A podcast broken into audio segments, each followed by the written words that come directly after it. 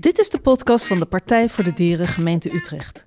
Op 16 maart vinden de gemeenteraadsverkiezingen plaats en in deze podcast ga je kennis maken met een Utrechtse onderwerp dat tegelijk breder is dan alleen deze gemeente. Mijn naam is Charlie Kroijmans en in deze podcast spreek ik met Maarten Schrama, universitair docent ecosysteem-ecologie aan de Universiteit Leiden en voorzitter van de stichting Lekker Landgoed dat het voedselbos Haarzuilens beheert. Welkom Maarten in deze podcast. Dankjewel Charlie. Jij hebt een uh, agrarische achtergrond. Hoe komt het dat jij je bent gaan interesseren voor voedselbossen? Ben jij nou het zwarte schaap in de familie? Nou, zo zou ik het niet zien. Mijn familie vindt het eigenlijk heel leuk, ondanks dat het grootste deel van mijn familie uh, toch meer aan de intensieve kant van de agrarische sector zit.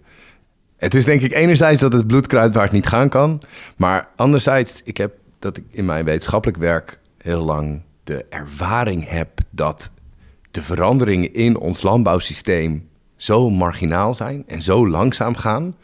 En als je daar vanuit de wetenschap probeert veranderingen in te brengen en te laten zien dat we echt radicale veranderingen door moeten voeren, ja, dat, dat, dat, dat is extreem frustrerend. Dus toen ik. Eh, toen ik in dat, in dat wetenschappelijk werk zat. Ik zat bij het NIOO in, in Wageningen. Toen dacht ik, ik, ik, moet eigenlijk, ehm, ik moet eigenlijk gewoon iets gaan doen. Ik moet gewoon dit, dit, dit kunnen we beter niet meer wetenschappelijk benaderen. We moeten dit gewoon gaan laten zien. Hoe ziet nou zo'n agrarisch systeem van de toekomst eruit? En, en dan ga ik gewoon in mijn wetenschap iets anders doen. Dus ik ben een andere kant op gegaan in de wetenschap. En dit ben ik als een, een zijproject gaan doen. Dat was het idee in eerste instantie, een zijproject. Maar het wordt iets minder dan een zijproject in, inmiddels. Maar als een soort experiment? Ja, het grote experiment is eigenlijk of je echt heel hoog biodiverse landbouw kan combineren met een soort economisch verdienmodel. Dus kun je van een, een, een heel divers systeem, kun je daar ook van leven. Um, en eigenlijk is dat het allerbelangrijkste. Als je dat kan laten zien, dat is eigenlijk het voorbeeld wat nodig is. En daar kan je heel lang over uh, wetenschappelijk doen. Maar eigenlijk is het uh, behoorlijk uh, banaal, denk ik. Maar begin eens even bij het begin. Je hebt een voedselbos ontworpen in Haarzuilens, dat is bij dat kasteel. Ja. Hoe is het allemaal gegaan? Nou, hoe dat gegaan is, dat, is, dat was eigenlijk wel interessant. Bleker zat in het kabinet, begin deze eeuw. En, en die zorgde ervoor dat er geen enkele, er was geen rode cent voor indeling uh, van natuurgebieden. Natuurmonument had net 800 hectare grond aangekocht rond het kasteel daar. Daar hadden ze helemaal geen, ja, geen geld voor dus om de, om de inrichting daarvan te doen. En daar zochten ze dus private initiatieven voor gedurende enige tijd. En zo zijn wij in de picture gekomen met een, nou ja, dus een behoorlijk wild plan, zeker toen. Het was eigenlijk helemaal nog niet bekend wat dat nou precies zou worden. Um, en dat vonden zij wel interessant. En, en zo hebben we daar zes hectare gebied um, mogen inrichten. Dat heb ik uh, helemaal niet alleen gedaan. Hè. Dus een hele leuke club mensen. En ik doe dit grotendeels samen met, met Jan Degenaar, mijn uh, voedselboscompagnon um, en medebioloog. En zo zijn wij dus eigenlijk vanaf 2015 zijn we daar echt bezig gegaan om daar echt een heel systeem van de grond te, te trekken.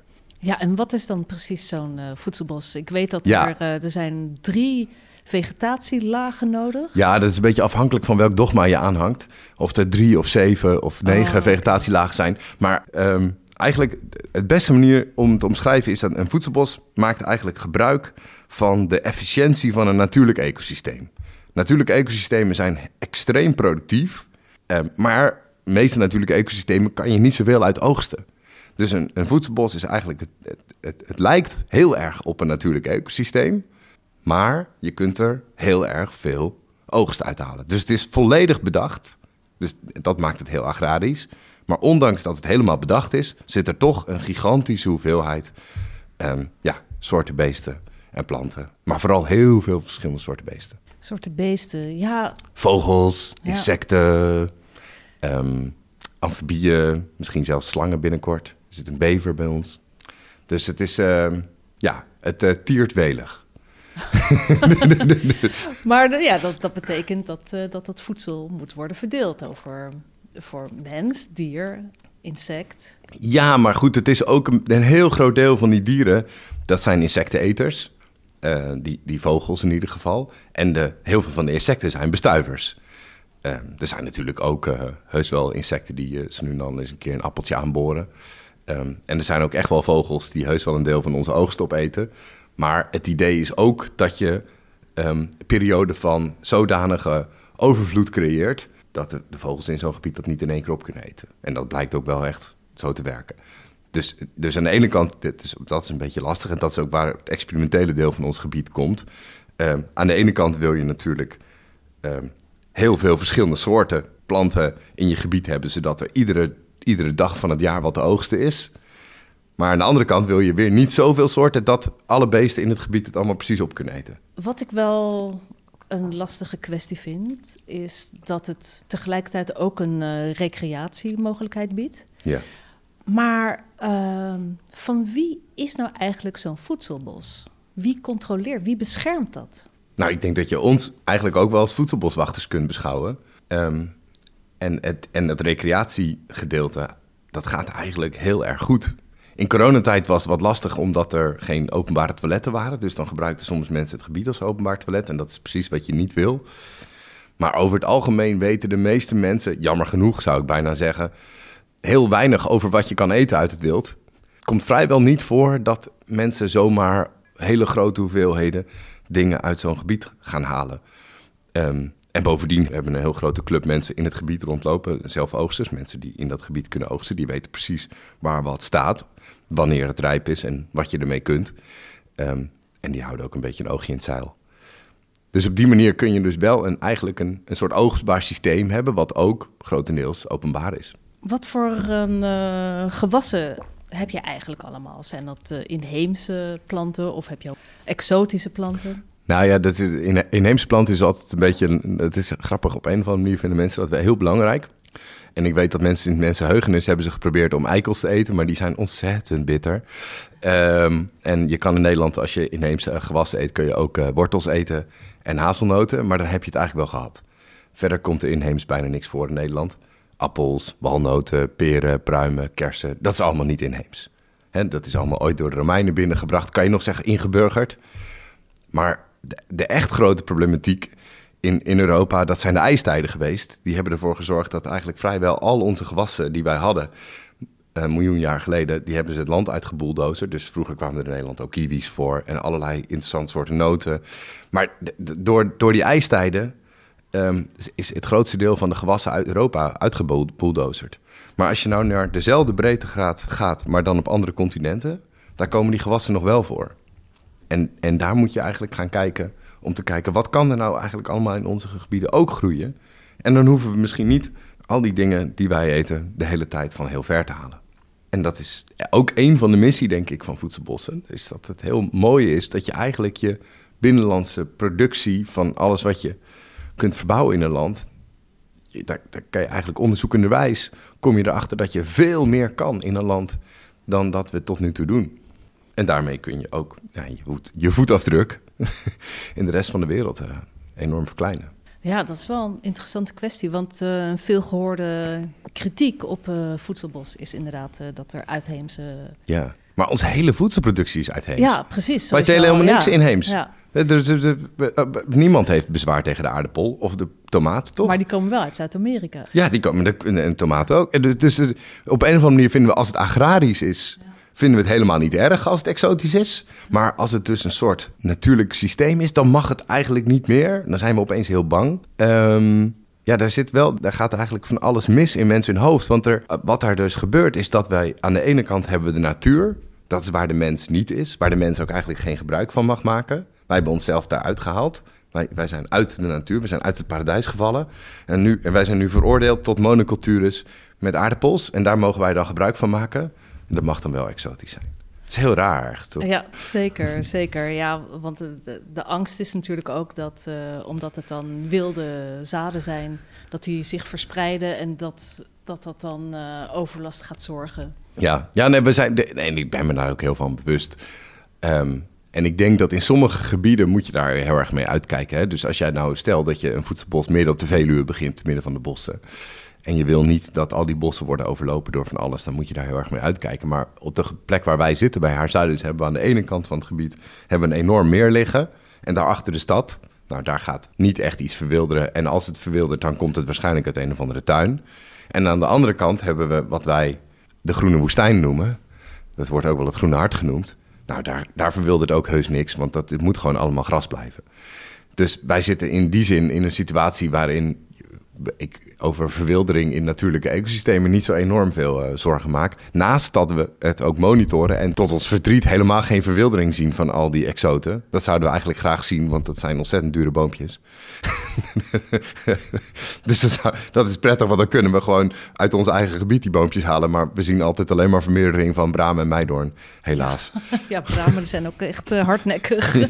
ja, dus het is, uh, nee, dat is, ja, verwilderen ze maar. Dan waren eigenlijk wel, dat zou wel mooi zijn geweest hey, maar inderdaad, over die bramen, die, die uh, hebben best wel ja, de neiging om te overwoekeren. Ja, daar moet je echt bovenop zitten.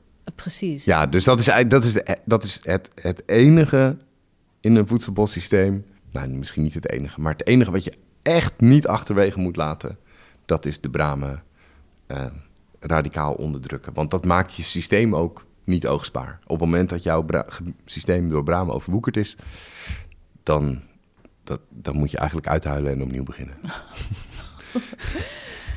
Ik wil eventjes uh, even kijken naar de situatie in de wereld nu, uh, in Oekraïne. Daar is een oorlog gaande en uh, ja, opeens besef je dat de voedselproductie best wel kwetsbaar is. Ja.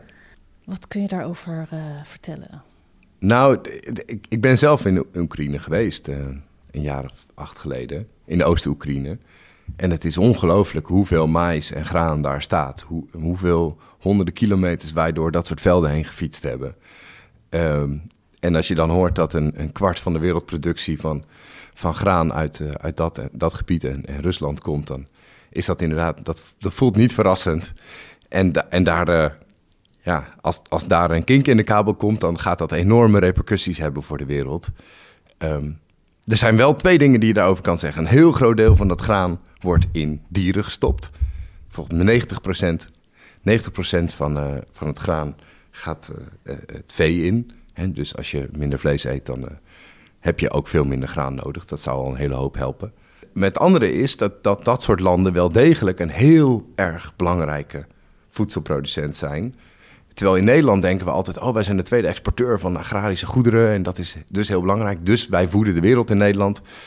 Um, bij dat staatje moet je altijd eventjes bedenken dat dat in geld is. En waar verdien je geld mee in de agrarische wereld? Dat is met machines, met tulpen, met heesters en met vlees. En dat is precies waar wij in Nederland heel veel centjes mee verdienen. Um, en dat maakt Nederland dus ook heel erg onbelangrijk op de wereldvoedselmarkt. Dus wij hebben wel een heel vruchtbaar land en een behoorlijk goed klimaat voor landbouwproducten. Maar we zijn ook een heel klein land, zeker op wereldschaal. En we hebben wel heel veel mensen die in ons eigen land wonen, die we nu voeden met voedsel uit de rest van de wereld. En, en voedselbossen zouden eigenlijk een, een heel goed alternatief zijn om in delen van het land een, een aanvulling te geven op de, het dieet van, uh, van, van mensen in Nederland. Zonder dat je de hele tijd hoeft te denken: oh ja, maar we zijn nu dit stuk landbouwgrond aan het omvormen tot een, een minder productief stuk landbouwgrond. En misschien hebben nu andere mensen in de rest van de wereld honger. Dan denk ik, ja, daar moet je je niet zoveel zorgen maken. Ja. Hoeveel ruimte hebben wij voor voedselbossen? En hoe moet je dat dan indelen? En wie moet dat bepalen? Nou, twee derde van ons landbouw, twee derde van ons areaal in Nederland bestaat uit landbouwgrond. Ruwweg. Um, dat is dus heel veel. En, en van dat andere een derde, daar is een groot deel stad. En heel groot, of een klein deel is ja, natuur. Ongeveer 10% van ons landbouwareaal is, is natuur. En dan hebben we nog uh, wegen en, en dat soort dingen. Um, die twee derde is heel veel ruimte. Je zou een heel groot deel van Nederland, vooral rond steden, um, zou je fantastische um, uh, voedselbossen kunnen, kunnen hebben waar mensen zowel heerlijk in kunnen recreëren en waar je een deel van je voedselproductie van haalt. Op dit moment is dat heel moeilijk in heel veel gebieden, want het is ontzettend lastig om uh, uh, in Nederland. In, in, heel veel gebieden mag je niet planten hoger dan twee meter planten. Um, bij heel veel gebieden is vastgelegd dat het moet grasland zijn. Of um, of er zijn allerlei andere ruimtelijke ordening bepalingen. Voedselbossen zijn zo nieuw dat ze in allerlei ruimtelijke overwegingen geen rol spelen. En of het moet ofwel natuur zijn, en dan mogen er weer geen exoten in staan. Ofwel het is landbouw en dan moet het gras zijn, of weet ik veel, akkerland. Of... Dus dat maakt het in, in termen van regelgeving vaak heel ingewikkeld om dat soort dingen te ontwikkelen. Dus als je denkt, ik vind het een aantrekkelijk idee om rond de stad Utrecht een soort ring van voedselbossen te hebben, zodat iedereen eigenlijk in de stad binnen, weet ik veel, een kwartier fietsen van een huis een voedselbos heeft om lekker doorheen te kunnen struinen. Nou, dan zul je echt iets moeten doen met, met je ruimtelijke ordening. Ja. En um, ik zit toch even te bedenken van, uh, ja, is er een afzetmarkt? Hoe maak je een verdienmodel van een voedselbos? Ja, dat, dus wij hebben een heel aantal restaurants die oogsten in het gebied zelf. Dus die weten waar welke gewassen staan. En die doen dat eigenlijk, denk ik, acht of negen maanden per jaar komen ze dan wekelijks of soms wel meer um, in het gebied om, uh, om allerlei dingen eruit te halen. Um, en we hebben dus een club mensen die daar zelf oogsten. Dus die betalen een jaarlijks abonnement en die mogen dan zelf zoveel oogsten als ze willen. Um, nou ja, binnen een soort redelijke limiet. Um, en verder leveren wij ook aan uh, het voedselcollectief in de stad, VOCO. Um, en zo nu en dan uh, leveren we aan wat landwinkels zo, dat soort dingen. En, en dat alles bij elkaar, uh, ja, dat is een, best een... daar kan je prima een, een, een boterham mee verdienen. Maar is het dan ook bijvoorbeeld toegankelijk voor mensen die nog niet in aanraking zijn gekomen of die niet zo gauw naar, een, uh, naar zo'n winkel gaan of zo'n ja, restaurant? ik denk dat supermarkten zouden op een gegeven moment prioriteit moeten gaan geven aan, aan, aan lokaal voedsel. Hè? En, dan, en dan kan het ook gewoon bij iedereen in de buurt komen waar. En dan, kan, dan kunnen de, de, de, de supermarkten in de stad dat soort producten gaan, gaan leveren.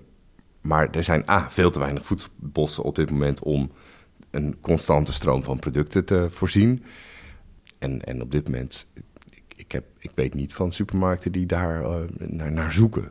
Nee. Op dit moment zijn het vooral de horeca, de restaurants, die zijn er enorm in geïnteresseerd. En ik heb het idee dat dat eigenlijk de voorhoede is van wat er gaat komen. Maar kijk, nu heb je best wel veel verschillende voedselbossen in Nederland. Mm -hmm. Er zijn er niet zo heel veel redelijke schaal. Hè? Dus wij ja, zijn zes hectare. Ja. En er zijn er niet zoveel zo oud als wij. Dus wij zijn zes jaar, en denk je, dat is helemaal niet oud. Maar de meeste zijn twee of drie jaar. En de productie van dat soort systemen, die begint pas echt op stoom te komen na 15 jaar. Dus ja, ja, ja, omdat ja, een boom is niet in één keer groot. En een walnotenboom begint pas serieus hoeveelheden walnoten te produceren na 15 jaar. Dus dit soort systemen heeft ook tijd nodig om echt productief te worden. Dat heeft als grote voordeel dat je dus ook een heel aantal jaren hebt om die ketens te ontwikkelen. Maar dat moet je dan ook wel gaan doen. Klopt. Maar wat ik zou willen weten is, uh, moet je dan de verschillende voedselbossen, moet je die dan coördineren? Ja, ik denk dat op een gegeven moment is er een soort coördinerende organisatie nodig.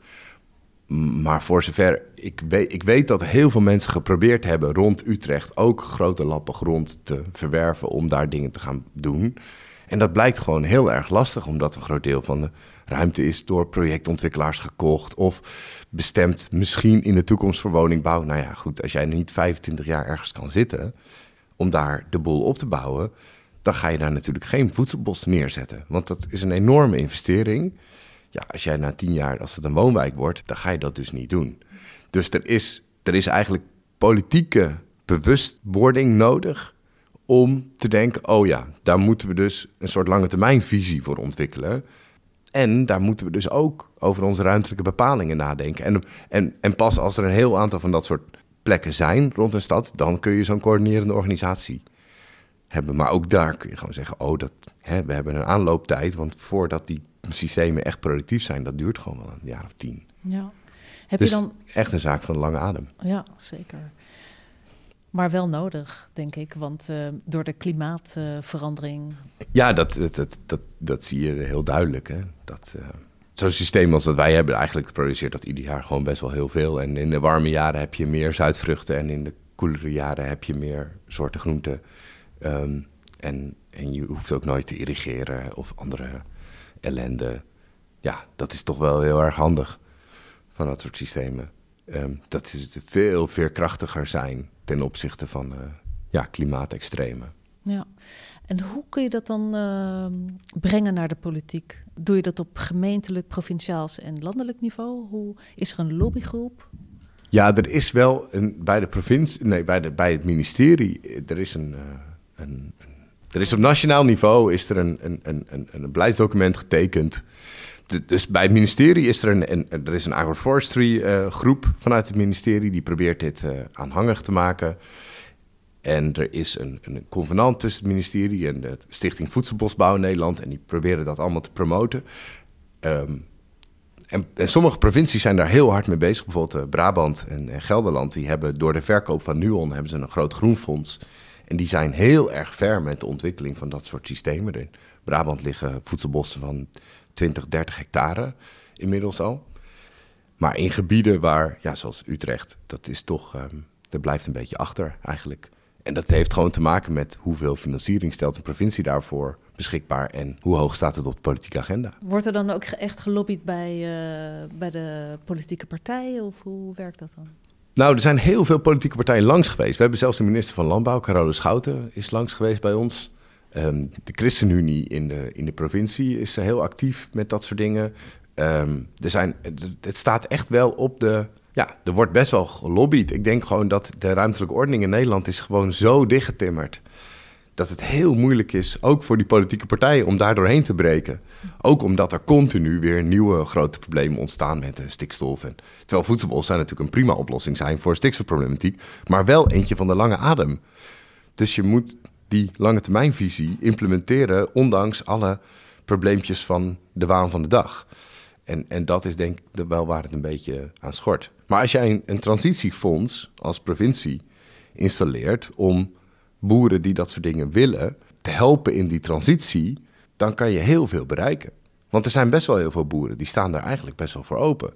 Alleen, je, hebt wel, je moet die enorme initiële investeringen maken. En dat is, uh, dat is nog niet zo makkelijk. Maar er zijn toch wel subsidies uh, beschikbaar? Of het wordt toch wel een beetje gestimuleerd? Nee? Nou ja, dat zou kunnen, maar ik uh, weet daar weinig van. Ik, ik heb het idee dat dat, dat het allemaal behoorlijk marginaal is. Okay. En ik weet bijvoorbeeld dat de Partij voor de Dieren, die, en er zijn heel veel mensen die vinden dat, hè, dat, het, dat consumenten moeten stemmen met een mes en vork. En je moet zelf het goede dieet kiezen. En dan, um, en dan maken we de wereld met z'n allen een beetje beter. En dan denk ik, ja, natuurlijk is het wel belangrijk dat consumenten goede dingen doen. Maar wat echt belangrijk is, is dat de politiek goede keuzes maakt. Als we nou bijvoorbeeld de ruilverkaveling nemen. Er was geen consument die met mes en vork gestemd heeft voor de ruilverkaveling. Wat is precies de ruilverkaveling? De ruilverkaveling is dat we in Nederland uh, waren vroeger een zwaar verkaveld landschap met uh, 225.000 kilometer heg was er in Nederland. En dat is in de jaren 50 en 60 en ook in de jaren 20 en 30 van de vorige eeuw is dat met hele grote overheidssubsidies zijn al die landerijen verkaveld. Dus hebben ze de kleine kaveltjes hebben ze groot gemaakt, zodat we de grootschalige landbouw van tegenwoordig hebben. Die is toen geschapen. Dat is niet door consumenten van onderaf gebeurd.